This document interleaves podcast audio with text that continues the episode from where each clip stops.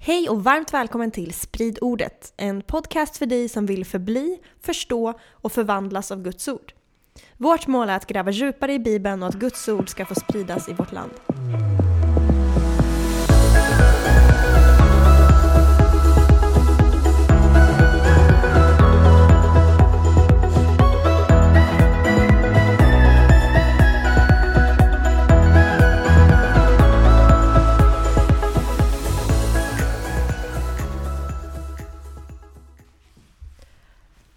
Förra gången så kollade vi på vad profeterna har att säga om den kommande Messias och vi hade Jesaja som utgångspunkt.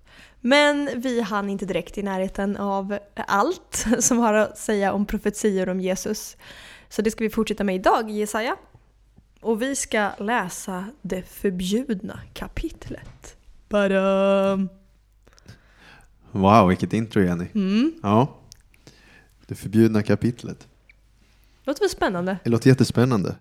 Eh, så det finns ju jättemånga profetier om Jesus, men eh, idag kommer vi då fokusera på specifikt ett kapitel och det är Jesaja 53.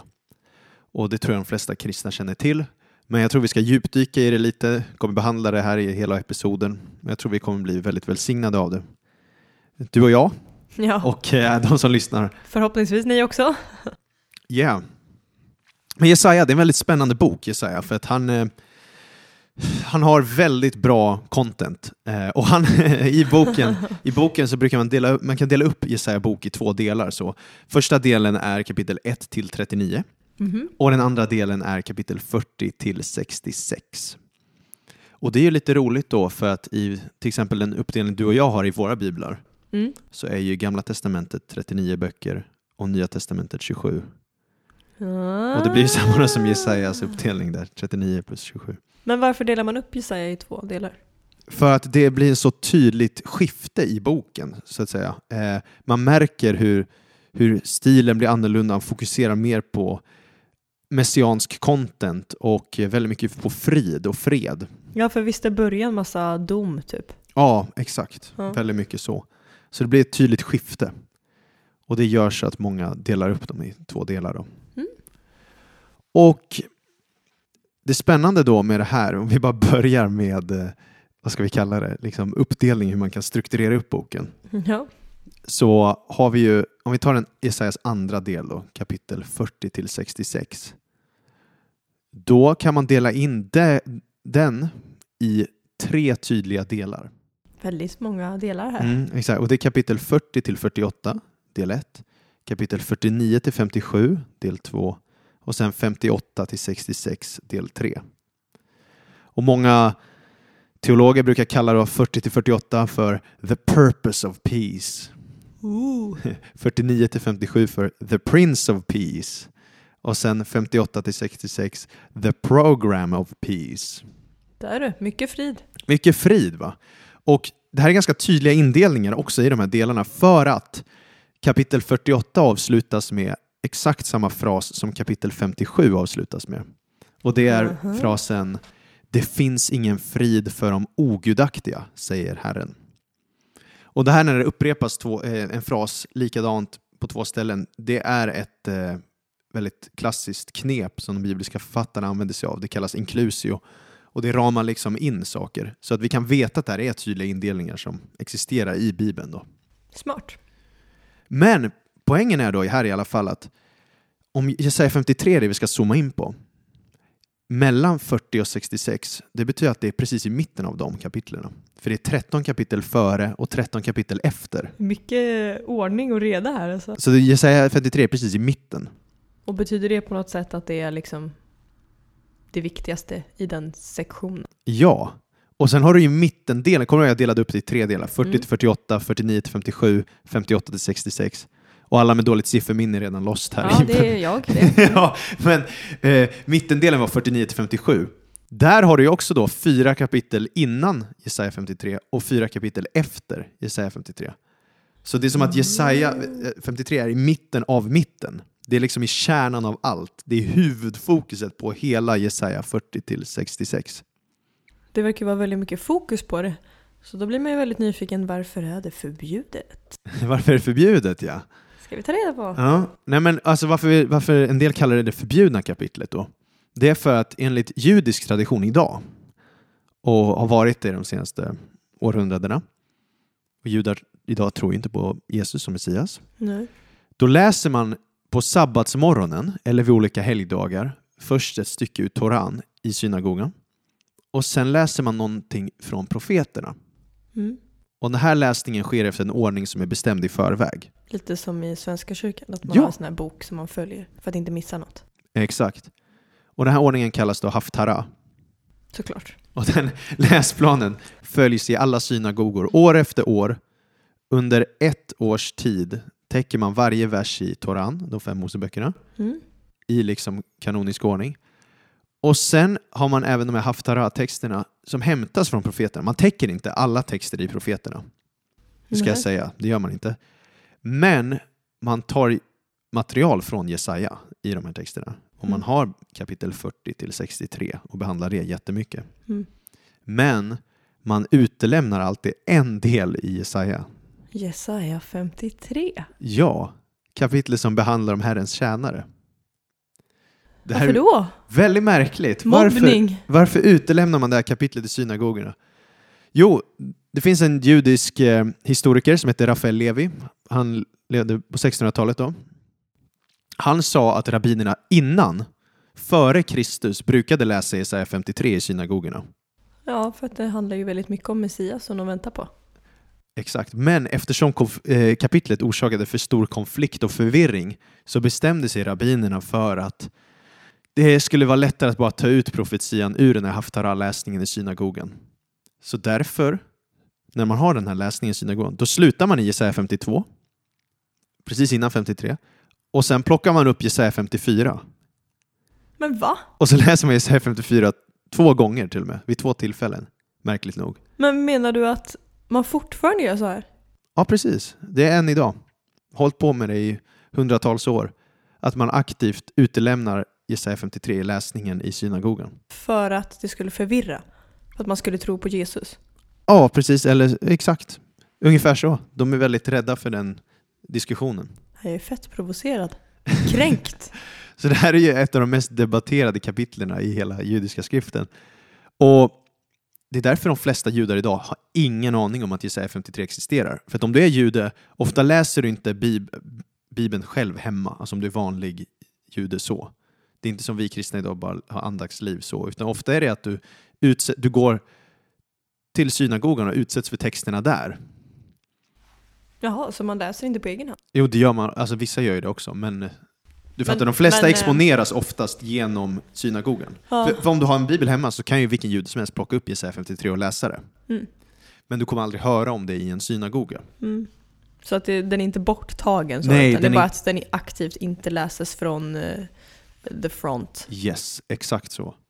Och då är det jättespännande, för jag, jag visade dig en, jag ville att du skulle se en YouTube-video. Mm. Det finns jättemånga sådana videos där, där eh, olika ministries i Israel, som är hebreisktalande, de går runt och intervjuar folk på stan och säger, eh, läser Jesaja 53 för dem på hebreiska för andra judar och de har Mm. aldrig hört det, så ber de dem beskriva det. Ja, det var jätteintressant. Eh, De kom ju också antingen till slutsatsen att oj då, men det här kanske handlar om Jesus. Eller så var det att jag har bestämt mig för att det handlar inte om Jesus och därför blir jag arg när du säger att det var Jesus. Typ. Men det var jätteintressant att se deras olika reaktioner faktiskt. Och de flesta kommer ju fram till att oh, men den här läsningen talar om någon som ska dö för folkets synder, Mm. Eh, det är Messias som kommer lida eh, och han kommer och vårt, vårt folk kommer förkasta honom, säger Mm. de ju. Det är det de kommer fram till från att läsa det här. Mm. Och sen när de får höra sen, ja men tror du att det kan vara Jesus? Då blir vissa jättearga direkt. Och så märker vi att det finns en slöja från, för det judiska folkets ögon än idag. Vad hemskt. Och väcker så mycket känslor än idag. Ja, Så det är... får eh, be för dem. Vi får verkligen be för det judiska folket, att Gud skulle öppna deras ögon. Men nu ska vi kolla på det här fantastiska kapitlet då. Yes. Eh, och det talar ju så tydligt om Jesus. Och bara innan vi gör det så, så jag och en kompis, vi, vi har åkt flera gånger till gymnasieskolor och fått föreläsa om kristen tro. Bra grej. Ja, det är, det är en bra grej, så här, som ett inslag i, på religionslektioner eller så. Och vi har fått berätta, eftersom vi är ju aktivt troende och det är ganska ovanligt i Sverige idag, så många blir fascinerade och får prata med en som faktiskt tror. En tvättäkta kristen. Ja, exakt. Sån där superkristen. Ja, och då brukar min kompis, han brukar då lä- börja, en del i föreläsningen är att han börjar läsa Jesaja 53. Och så Mhm. frågar han dem som sitter i rummet, när tror ni det här skrevs? Och vem tror ni det pratar om? Och då tror alla att det var Jesus men att det skrevs efter eller? Då säger alla, ja men det här handlar om Jesus och det här måste vara skrivet, ja men vadå, kanske hundra år efter Kristus eller något sånt om någon Jesusföljare, säger alla nästan. Och då droppar vi bomben och säger, nej det här är skrivet 700 år före Kristus. Boom! Och om någon vill bestrida det, då vet vi att det är skrivet minst 400 år före Kristus.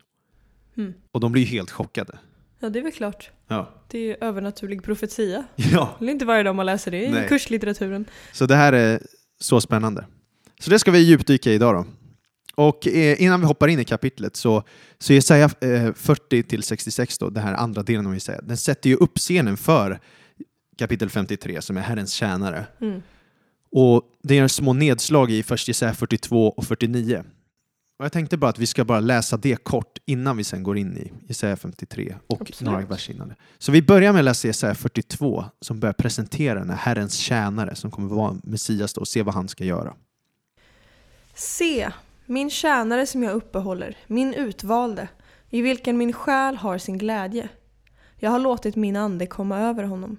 Han ska utbreda rätten bland hedna folken. Han ska inte skria eller ropa, inte låta sin röst höras på gatorna. Ett brutet strå ska han inte krossa, en tynande veke ska han inte släcka. Han ska i trofasthet utbreda rätten. Han ska inte förtröttas eller brytas ner förrän han har grundat rätten på jorden. Havsländerna väntar på hans undervisning. Så det här talar om en tjänare, Herrens tjänare, Guds utvalde, Mm. som Gud har sin glädje i. Och låtit sin ande komma över. Ja, Guds ande över honom och han kommer komma med rättfärdighet till inte bara judarna utan till hedna folken, till hela världen. Och hans metod kommer inte vara genom våld och det kommer inte vara genom att skrika från barrikaderna utan det kommer vara i ödmjukhet och mildhet och bara i mötet med Mm. människor och enkelheten. Häftigt. Kan det vara Jesus? Kan det vara Jesus? Kanske. Och vi fortsätter det här porträttet då i Jesaja 49 om Herrens tjänare. Om vi läser det också. Vi läser vers 3 och sen vers 56 bara för att spara tid. Han sa till mig, du är min tjänare Israel, genom dig vill jag förhärliga mig. Och nu säger Herren, han som från moderlivet danade mig till sin tjänare, för att föra Jakob tillbaka till honom, så att Israel samlas hos honom. Ty jag är ärad i Herrens ögon, och min Gud är min starkhet. Han säger, det är för lite för dig, då du är min tjänare, att endast upprätta Jakobs stammar och föra tillbaka de bevarade av Israel. Jag ska sätta dig till ett ljus för hedna folken, för att du ska bli min frälsning in till jordens yttersta gräns. Precis, så det här handlar återigen om Herrens tjänare som Gud ska förhärliga sig igenom. Och han kommer inte bara upprätta Jakobs stammar, alltså Israels tolv stammar, Utan alla hedna folk också. utan alla hedningar. Så återigen är det en universell frälsning här för hela jorden. Den här Herrens tjänare kommer komma med frälsning till hela jorden. Och då är den stora frågan, hur ska Herrens tjänare göra detta? Vad kommer Messias göra för att bringa in den här frälsningen? Mm. Och det är det vi ska utforska härnäst. Mm.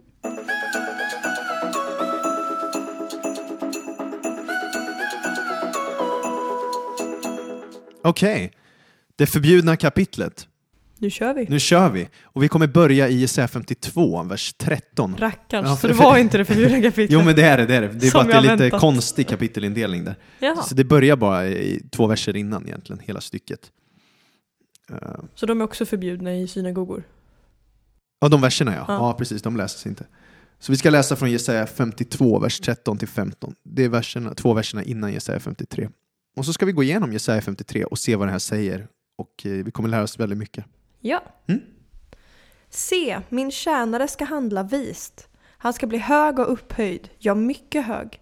Liksom många häpnade över dig, så ska hans framträdande förvrängas mer än andra mäns och hans gestalt mer än andra människors. Han ska bestänka många folk. Inför honom kommer kungar att förstummas. Ty de får se sådant som aldrig har berättats för dem och lära känna vad de aldrig har hört. Wow. Okej. Låt oss eh, öppna upp skriften här lite och se vad den säger. Det börjar med se min tjänare. Då är det Herrens tjänare vi mötte i Jesaja 42 Mm. 49. Den här som ska frälsa hela världen. Yes. Han kommer handla vist. Det var ju tur. Och i visdom i Bibeln, det är att frukta Herren. Mm. Och att frukta Herren, att vörda Herren, det är att välja att göra det som är rätt i Guds ögon. Det är bra. Så det handlar om någon som helhjärtat gör Guds vilja och inte sin egen vilja. Som inte följer sina egna begär utan gör Guds vilja i allt. Mm. Det här det är visdom då i Bibeln. Bra. Och den här tjänaren kommer bli hög och upphöjd. Ja, mycket hög. Och inte på droger. inte på droger. Utan det här påminner väldigt mycket om eh, Nikodemus ord och, nej inte Nikodemus, Jesu ord menar jag till Nikodemus i Johannes 3. när, när Jesus säger så här, liksom Mose upphöjde ormen i öknen så måste människosonen bli upphöjd Mm. för att var och en som tror på honom ska ha evigt liv. Alltså upphöjd, det handlar om att bli upphöjd på korset då. Så mycket hög, då var det väldigt, ett väldigt högt kors. ja, precis. Eller, ja, och, Eller så var Golgata en väldigt, väldigt hög kulle. Det handlar ju också om att han ska bli oj, ursäkta, upphöjd i härligheten också, eller hur? Ja, Han, hans himmelsfärd och kommer bli förhärligad. Sen läste vi något spännande där i vers 14. Att hans framträdande ska förvrängas mer än andra mäns och hans gestalt mer än andra människors. Handlar det om eh, att man förvränger vad han säger eller att han kommer bli så förstörd av all tortyr? Eller både och? Eller något helt annat? Ja, men det är väl både och, men främst är fokuset nog på att han är så misshandlad utseendemässigt att man inte känner igen honom. Mm. att han inte längre kommer se ut som en människa. För en, en bra översättning av den här versen det är att han kommer bli så fördärvad att han inte längre ser ut som en människa. Vad hemskt. Det är hur brutalt han kommer, eh, vad han kommer utsättas för. Usch. Och det här får vi lite fler glimtar av i Jesaja. Mm. I Jesaja kapitel 50 så får vi faktiskt veta att eh, de kommer håna honom, spotta på honom och rycka ut hans skägg. Och misshandla honom så brutalt. Aj. Så om vi läser det, Jesaja 50, vers 56. Herren, Herren har öppnat mitt öra. Och jag har inte varit upprorisk. Jag har inte vikit tillbaka. Jag höll fram min rygg åt dem som slog mig och mina kinder åt dem som ryckte ut mina skäggstrån. Jag dolde inte mitt ansikte för hån och spott. Det var Jesus genomled. Ja. Sjuk grej. Ondskan är så kreativ. Hur ska vi misshandla den här personen? Vi rycker av skägget. Mm. Kanske därför också så lärjungarna inte kände igen Jesus när han uppstod. Han hade kanske ingen skägg längre. Ja, just det. Eller hur? Ja, spännande. Wow. Ja, vi fortsätter där, vers 15. Det står där att han kommer bestänka många folk. Och det här ordet bestänka Mm. i Jesaja 52, det handlar om att i Gamla Testamentet så bestänkte man med blod för att göra saker heliga. Använder man samma ord då? Mm, precis, samma ord. Så Aron och hans söner, prästerna, de gjorde saker heliga genom att bestänka blod på dem, eller till och med när de invägs till tjänst. Och även när man skulle renas från synd så används det ordet. Så det här handlar ju om att den här Herrens tjänare kommer alltså rena många, Många folk, folk. alltså hela jorden, alltså Mäktigt. hedningarna. Du och jag, vi kommer bli renade. Vi kommer inte vara oheliga längre, vi kommer inte vara syndiga utan vi kommer bli renade. Wow. Och det här säger Jesaja redan. Och sen står det där att inför honom kommer kungar att förstummas. För att de får se sådant som aldrig berättats för dem och lära känna vad de aldrig hört. Är det här judiska kungar som aldrig fått det berättat för sig för att det är förbjudet kapitel? Ja, alltså det har inte funnits någon judisk kung då sedan Jesus, men det det handlar om är ju också alltså kungar på jorden. Mm. Alltså regenter historiskt sett. Trots de här hemska lidandena han går igenom, Messias, så kommer det komma en dag när kungar ser på honom med vördnad. Mm. För de kommer få se sådant som aldrig berättats för dem. Och de kommer bli förstummade, så de kommer bara bli chockade. Oj, vad är det för något? Så det, det här pratar ju om att det kommer att vara ett sånt brutalt, mäktigt budskap att eh, till och med de mäktigaste på jorden blir helt chockade när de får höra det. Men kan det också vara, handla om samtiden med Jesus? Att regenter eller sådana som... För Jesus gjorde ju mäktiga saker och det blev väl folk förstummade över, eller? Ja, absolut. Absolut. Verkligen. Jag håller helt med. Ja, och det bara ger oss en motorväg in till Jesaja 53 nu här då. Så det är versen efter då. Och då om vi läser där vers 1. Vem trodde vår predikan? För vem var Herrens arm uppenbarad? Vad tror du det betyder? Vad tänker du när du hör de orden? Det är en fråga. Eh, vem skulle tro på det som vi säger nu? Men Herrens arm, handlar det om eh, Herrens makt eller vad är det? Ja, och det är en titel på Messias. Herrens arm? Ja, Jaha. Sägs det på andra ställen också? ja. Så det här är spännande. Att, att det står faktiskt i, tidigare om Herrens arm i Jesaja i kapitel 40, vers 10 där. Och det missar man om man har en svensk översättning. Jaha. Då står det inte så tydligt att Herrens arm ska regera. Det står om Herrens arm, men i Jesaja, eh, det- i Jesaja 40.10 så står det verkligen uttryckligen att Herrens arm ska regera.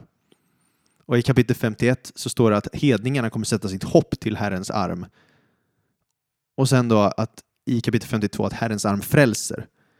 Och så märker vi nu då i Jesaja 53 att Herrens arm är Messias. Hmm. Det är en del av Gud. Armen är ju en del av Gud. Mm. Herrens arm är ju en del av Herren själv. Så Messias kommer ju vara Gud själv då. Och det här, vem trodde vår predikan? Med andra ord, vem kommer tro budskapet? Mm. Alla trodde inte budskapet. Det kommer vara en stötesten, en klippa till fall.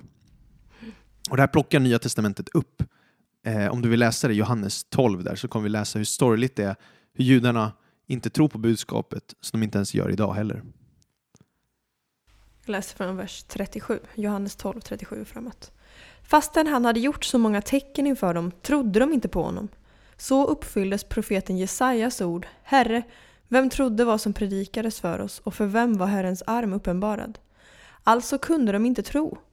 Jesaja har också sagt han har förblindat deras ögon och förstockat deras hjärtan så att de inte ser med sina ögon och förstår med sina hjärtan och vänder om och blir botade av mig.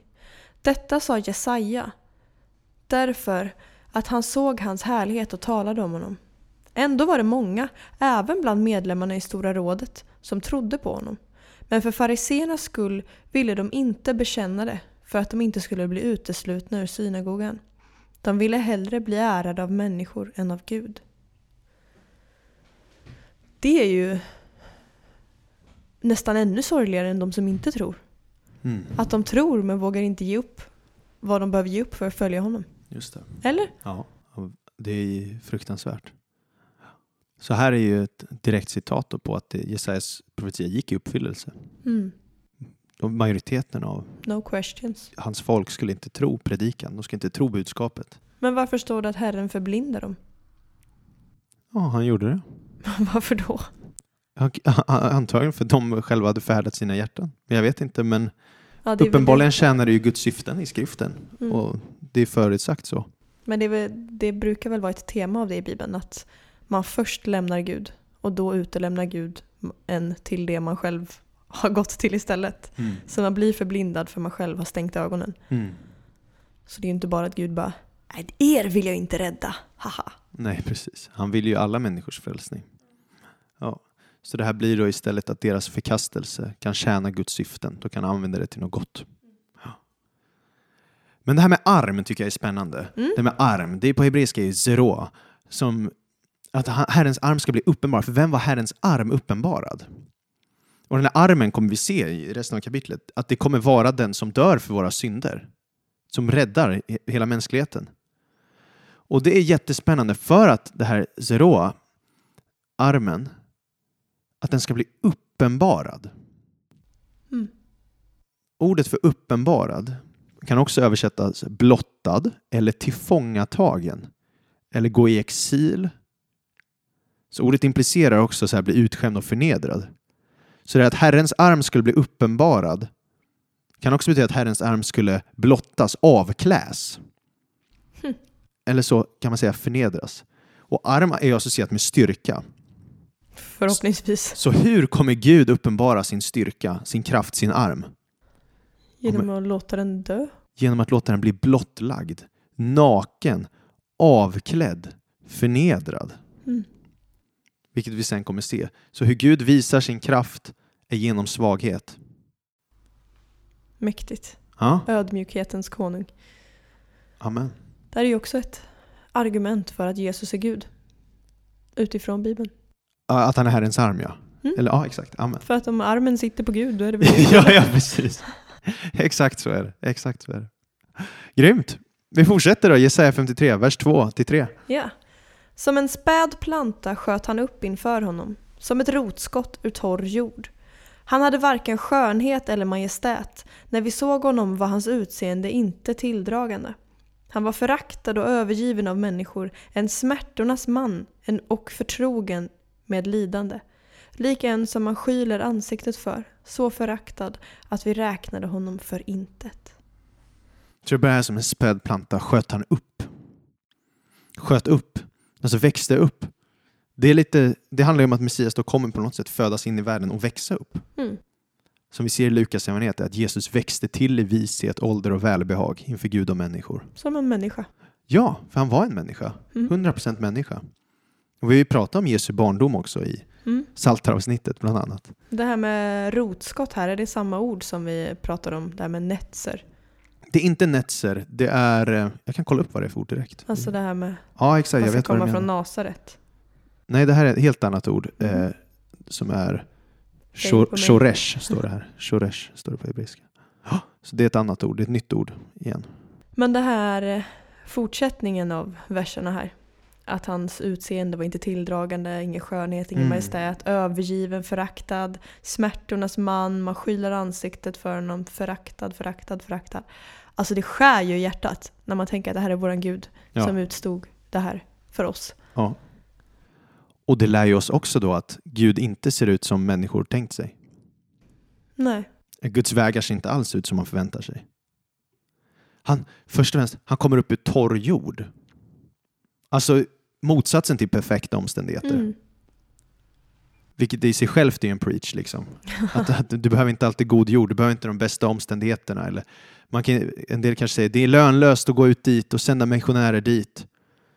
Men om det är torr jord, då är det hoppfull jord. För om Messias kunde komma ur torr jord, då kan vad som helst komma ur torr jord. Preach it! Eller hur? Ja. Gud jobbar med dåliga omständigheter. Och sen det här att han hade varken skönhet eller majestät. När vi såg honom var hans utseende inte tilldragande. Alltså Jesus såg inte vacker ut. Menar de för att han var så misshandlad eller var han ful? Ja, det vet jag inte. Det vet jag inte. Så långt kan jag inte säga. Men antagligen för att han var misshandlad. Ja. Eh, men det var inte tilltalande till det mänskliga ögat. Nej. Man vill inte veta av honom. Det var inte så här bara, åh, jag vill associeras med Jesus, han är den coola i klubben.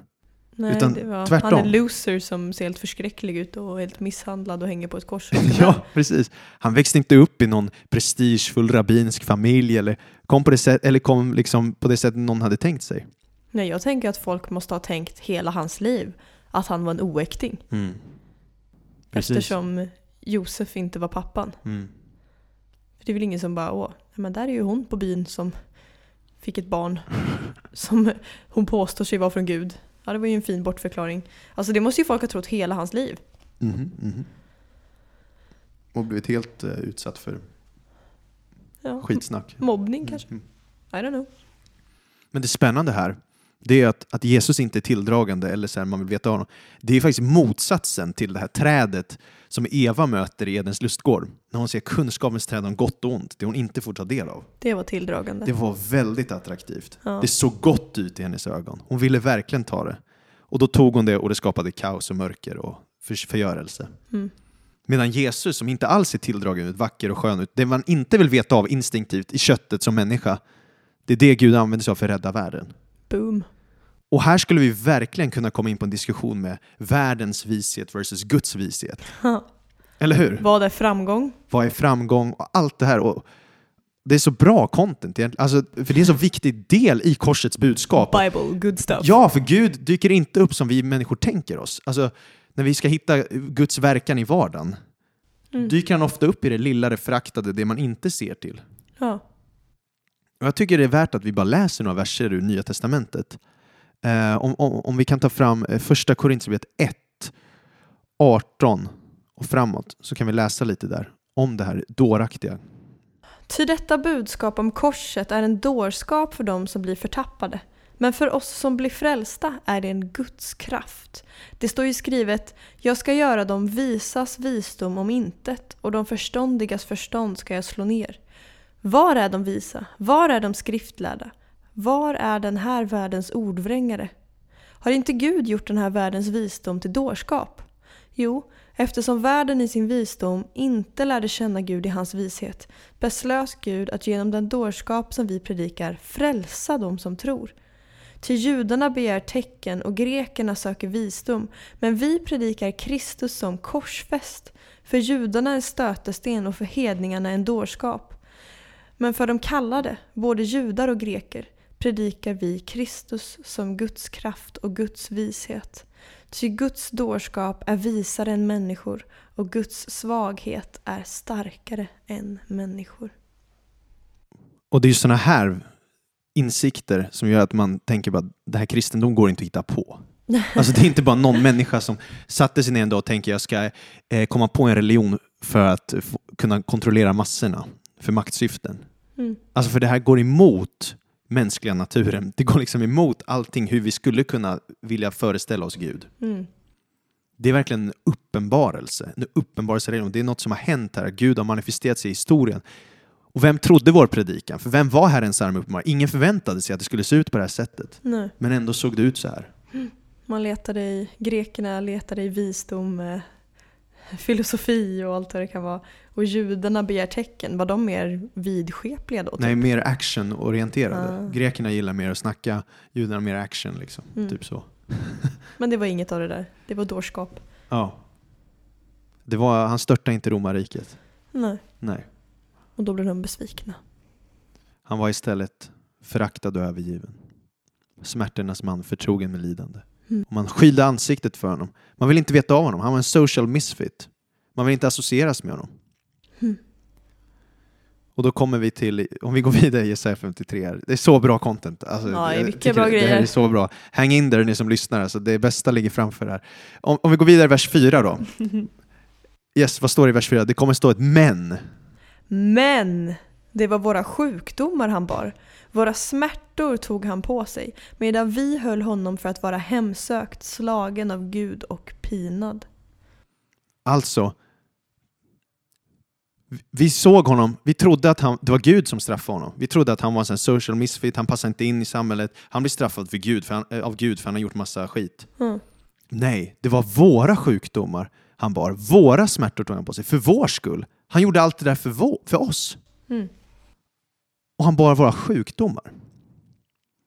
Bar han de fysiska sjukdomarna eller var det de själsliga sjukdomarna? Alltså själsliga sår.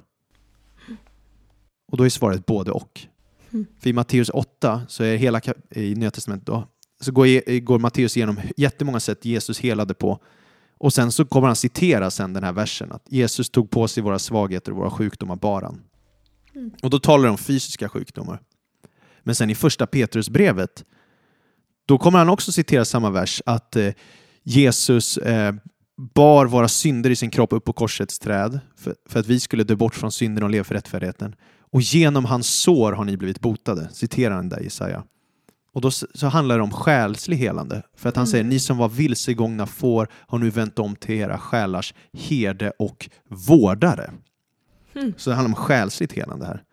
Så när Jesus dog där på korset så bar han inte bara våra fysiska sjukdomar och eh, smärtor, utan också våra själsliga. Mm. Amen. Amen. Yes, vi går vidare.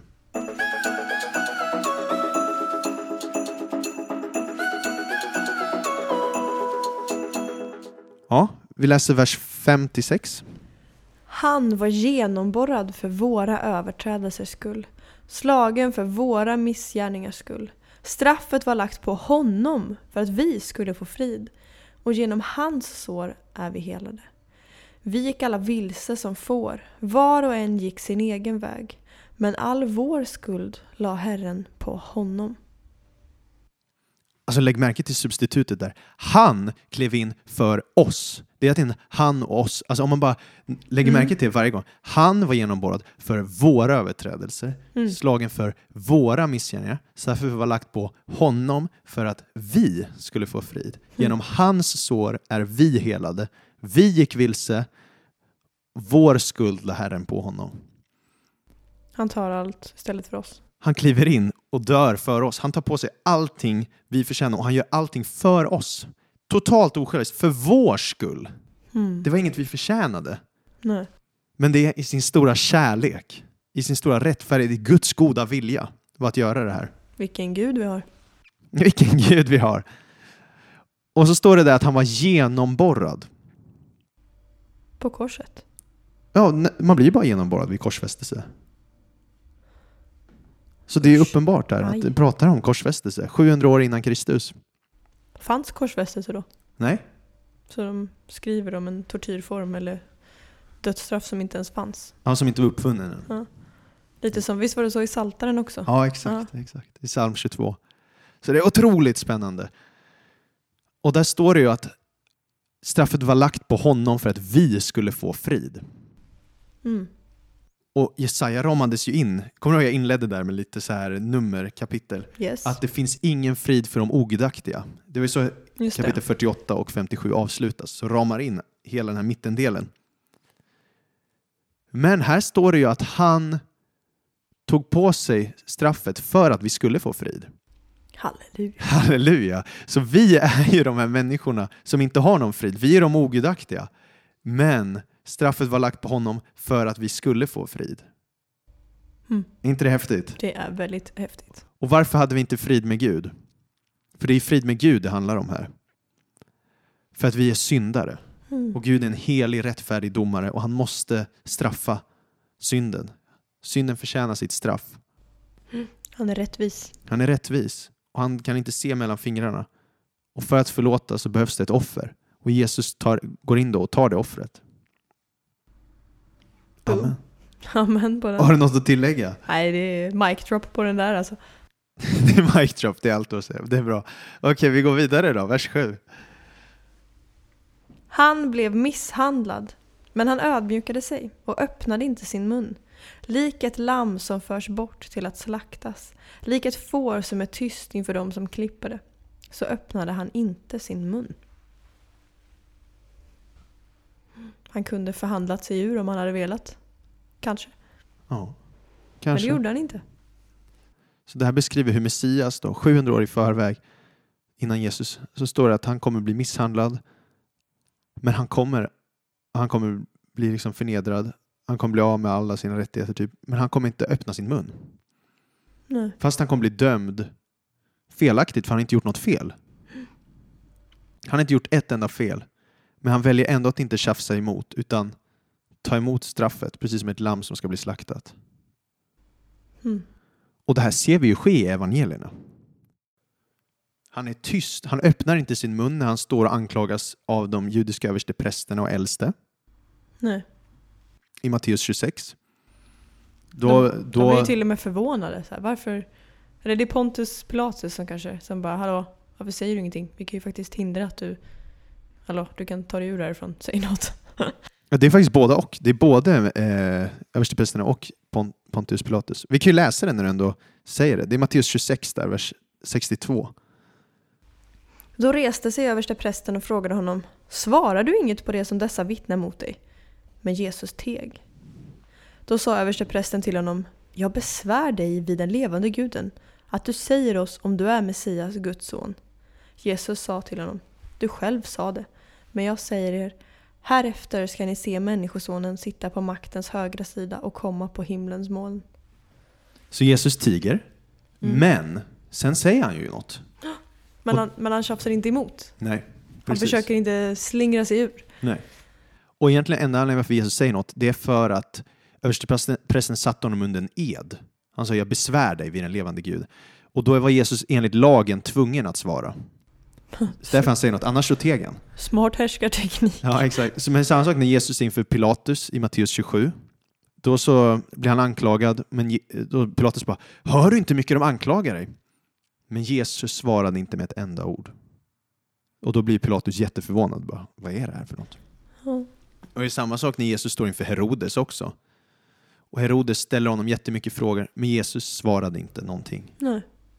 Så om och om igen är han tyst i evangelierna. Och uppfyller profetian Ja. från det förbjudna kapitlet. Och sen har vi då det här att han likt ett lamm ska slaktas. Kan man koppla det någonting till, alltså tidigare i samma kapitel så beskrivs han ju som en herde och nu beskrivs han istället som ett lamm. Är det någon koppling eller är det bara helt... Var beskrevs han som en herde? Visst var det det? Själars hede? Nej det var kanske... det var i Nya- Nya det Testamentet var i Nya. Testamentet, Ja, exakt. skojar bara. det var när vi läste Petrus. Eh, nej, men han beskrivs här som ett lamm. Och det är påskalammet då eller? Offerlammet. Offerlammet ja, för när, när Jesus kom på scenen då säger Johannes döparen Se Guds lamm som tar bort världens synd. Och det här är ju återigen en referens tillbaks till uttåget ur Egypten, när Mm. israelerna där blev räddade genom att ta ett lamm som skulle vara utan fel. Allt det här står i Andra Mosebok 12. Just Det skulle det. inte ha något fel, alltså så här fläck eller skrynkla. Eh, Skrynkligt vad, heter får. vad heter det? Det heter inte skrynkla. Ja, jag tänkte Eh. det skulle vara halt eller blöda eller. Jag vet inte. Exakt, och lammet ska ju slaktas, det ska dö på påsken. Man ska ta blodet och stryka det på trä. Och då, om man gjorde det, så skulle man bli fri från Egyptens slaveri och räddad undan domen som skulle komma då, när dödsängeln kom och dödade alla förstfödda. Inte ett enda ben fick krossas på lammet. Och så skulle man ta en sån här, eh, heter det isop? Vad heter det? Isop? Isop, ja, jag vet inte hur det uttalas. Jag bara läste. En sån här skälk. Eh, och stryka blodet med den. Och det är så här flera sådana grejer som beskrivs som påskalammet. Mm. Och allt det går ju att kopplas till Jesus. För Jesus var utan fel. Han hade inte gjort någon orätt. Han skulle slaktas. Han dör på påsken. Genom honom blir vi räddade från syndens slaveri. Han dör på trä. Hans Inga blod ben. stryks på trä. Inga ben krossas. Inga ben krossas. Och det var inga goda gärningar som räddade någon ur Egypten. Och det är inga goda gärningar som räddar någon idag. Det är bara de som i tro har satt sin tillit till Lammets blod som blir räddade. Amen. Och det här med isop. När Jesus hänger på korset så är, är det faktiskt en isopskälk som eh, stryks på honom. Ja. För att han ska få så här, jag tror det är vin eller något sånt. Ja, surt vin. Ja, eller, Räcker man upp på en svamp som sitter på en isop. Exakt, och, och det skulle jag använda Kreativt. tillsammans med lam, lammet, det påskalammet. Så det är supermycket kopplingar där också. Ja. Både i så här det stora, alltså att åh, vi blir inte räddade av gärningar. Men också sådana små praktiska saker som isopskälken. Ja, så ja. finurligt på något vis. Jättespännande. Ja. Men okej, tillbaks till Jesaja 53. Alltså egentligen, det vi, vi, ju, vi hoppar hela tiden händelserna förväg, vi kopplar alltid Jesus hela tiden. Men om man bara läser det, då har man inte sett att han ska dö. Utan vi har bara sett att han kommer vara misshandlad, han kommer inte se ut som en människa längre. Mm. Han kommer liksom rena människorna, han kommer bli till frälsning, han kommer eh, bära våra synder och våra missgärningar, bli genomborrad och allt det här. Men genomborrad är väl... Ja, det är ganska brutalt. Och att han ska gå fram, vara tyst som ett offerlamm. Ja, ett lamm som för fram till att slaktas. De dör ju. Verkligen. Så att jo, Jo. det tycker jag. Okej då. Jag vill bara leda fram till vers 8 här i Jesaja 53, där det blir övertydligt att han ska dö. Ja. Genom våld och dom blev han borttagen. Vem i hans släkte besinnar att när han rycktes bort från de levandes land blev han plågad på grund av mitt folks överträdelse. Ja, här ry- rycks han ju bort från de levandes land. Då låter man ju död. Ja, exakt. Han dör. Han skulle dö, helt enkelt. Och eh, vers 8 sa ju där också, men vem i hans släkte, alltså i hans generation, fatta att han blev plågad för mitt folks överträdelse? Menar de då att de som står runt omkring tror att han bara plågas av de fysiska slagen? Eller vad menar de? Ja, och de förstår ju framförallt inte att Jesus dör för i deras synder. Nej. Det judiska folket, den generationen, skulle inte förstå att han dör för eh, folkets synder. Så hemskt. Han dog inte för sin egen synd. Han dog ju för folkets synd. Han skulle bära konsekvenserna av deras överträdelser. Mm. Och då blir den stora frågan, vad höll kvar Jesus på korset? Jesus sa ju själv att han kunde skicka en legion änglar som kunde komma ner och tagit ner honom från korset. Så det var inte spikarna som höll kvar Jesus på korset. Det var hans kärlek till dig och mig. Mm. det är det som höll honom kvar på korset. Han hängdes på ett kors fast det var han själv som gjort berget korset stod på, kullen. Han är ju universums skapare. Ja. Det är helt otroligt. ja, nu tar sönder många mikrofoner här. Mic drop hela tiden. Och det är så sorgligt då att de i hans generation inte skulle förstå det och judar än idag förstår inte att det är deras frälsare, deras Messias. Mm. För de är också, de är skriftens folk som har bevarat där. Och det, det är så hemskt att de senaste åren, Jesus kallas ju Jeshua på hebreiska, Jeshua Hamashiach, Ja. Jesus Messias. Men judar har ju historiskt sett gett honom ett själsnamn. De har kallat honom Jeshu. Vad betyder det då? Det är en akronym, alltså, vet, alltså man slår ihop. Är det typ Inri? Ja, nej men, alltså, det står för Jimach Shmo Vesichrono som betyder må hans namn och minne utplånas. Men vad hemskt. Så om du pratar med judar i Israel idag, speciellt alltså sådana här som är troende judar, Ja. då kommer de kalla honom Jeshu istället för Jeshua. För att så här, må hans minne och namn bli utplånat, för de hatar honom så mycket. Men det är ju för att de, de tror att det de tror på är rätt. Ja, och de ser inte att han dog för deras överträdelser, deras synder. Mm. Förstår du vad han genomled? Och det var för deras skull. Mm. Ja, vi tuffar på, vers 9. Bland de ogudaktiga fick han sin grav, men hos en rik var han i sin död. Ty han hade ingen orätt gjort, och svek fanns inte i hans mun. Med andra ord, även om han skulle avrättas som en kriminell, som en ogudaktig, han skulle räknas bland med förbrytarna, Mm. Fast han inte gjort något fel, så skulle han begravas hos en rik man. Ja. Och det får han ju göra då när han begravs i Josef av Arimateas grav. Och det här går att läsa om i Johannes 19. Mm. Där en rik, välkänd man liksom Precis. erbjuder sin grav och Jesus får läggas där. Och här, vem ja. äger en grav? ja, men det är ju familjegravar eller så här, du vet, sådana grejer om man vill ha familjen på Ja. samma plats. Och jag tänker mig också Josef, alltså, och lite bibelhumor här då, men Josef Arimatea, jag tänkte om man kommer till Pilatus och säger men hej kan inte jag få Jesu kropp? Jag kan lägga honom i min grav. Aha. Så är Pilatus, va? Du har den här fina graven. Du har huggit ut den ur klippan och du ska ha den här till din familj. Och så ska du ge den till en kriminell. Ja. Och då, då, då kunde Josef ha svarat, äh, det är lugnt, det är bara för helgen. Men lägg av! Så dålig humor. han trodde Jesus skulle uppstå, men det trodde han inte. Men ja, det hade ju varit kul om det var så. Det, ja. Ja. LOL på den. Okej. Tack. En annan intressant grej är bara att Bibel 2000 nämner inte här att han skulle vara rik, eh, eller eh, begravas hos en rik då. Utan Vad de, står det istället då? ja, jag minns inte, jag kan kolla upp det. Men det, är- det är återigen en så censur av profetior. Som vi har pratat om lite tidigare i andra episoder. Ja. Så det är något man behöver vara alert på. Så här står det i Bibel 2000.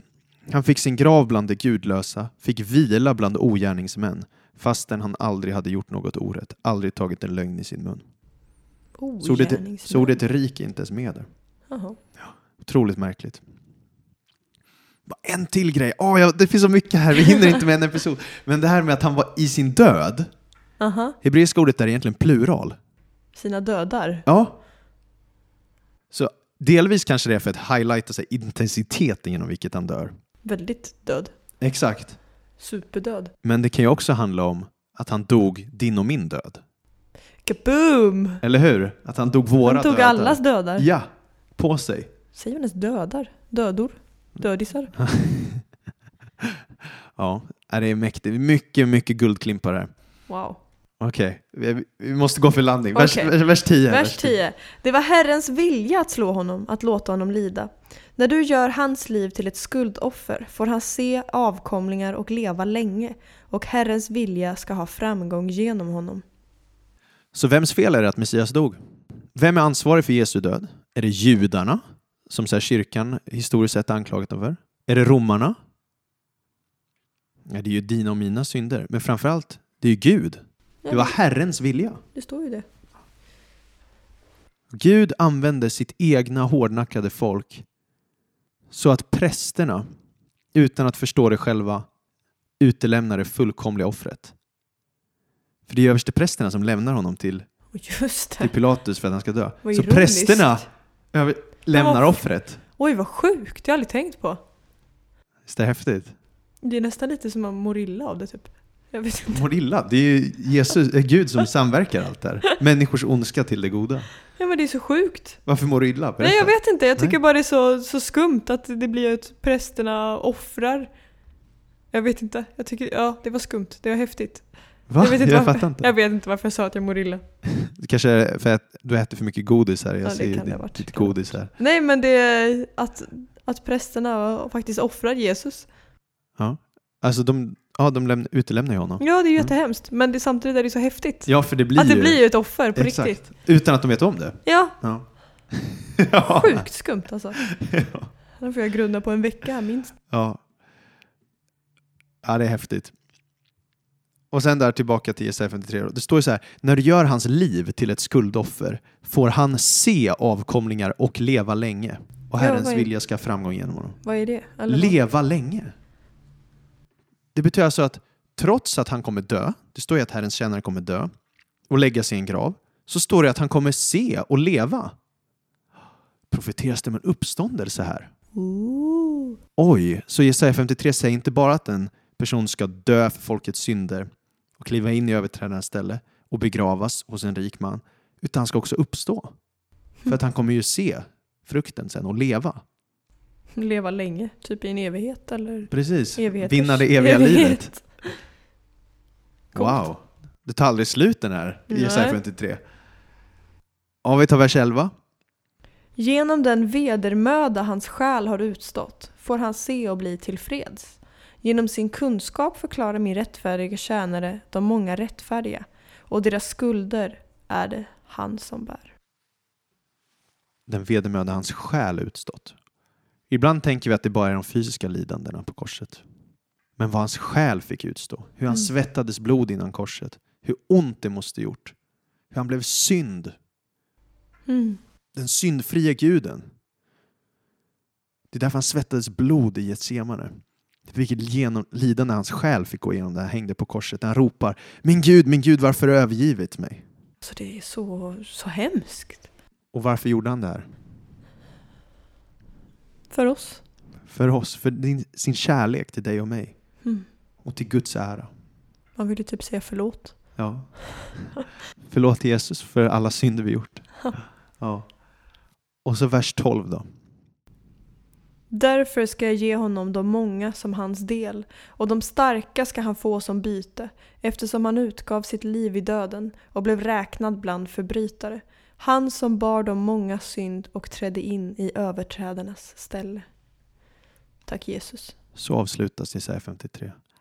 Att eftersom han har gjort allt det här så kommer han få dem som, en, som hans del. De kommer bli en del av hans folk då. Han kommer vinna dem till sig själv, Jesus. Mm. För att han utgav sitt liv i döden och blev räknad bland förbrytare. Och han bar ja, hela världens synd då och trädde in i, vår, i överträdarnas ställe. Ditt och mitt ställe.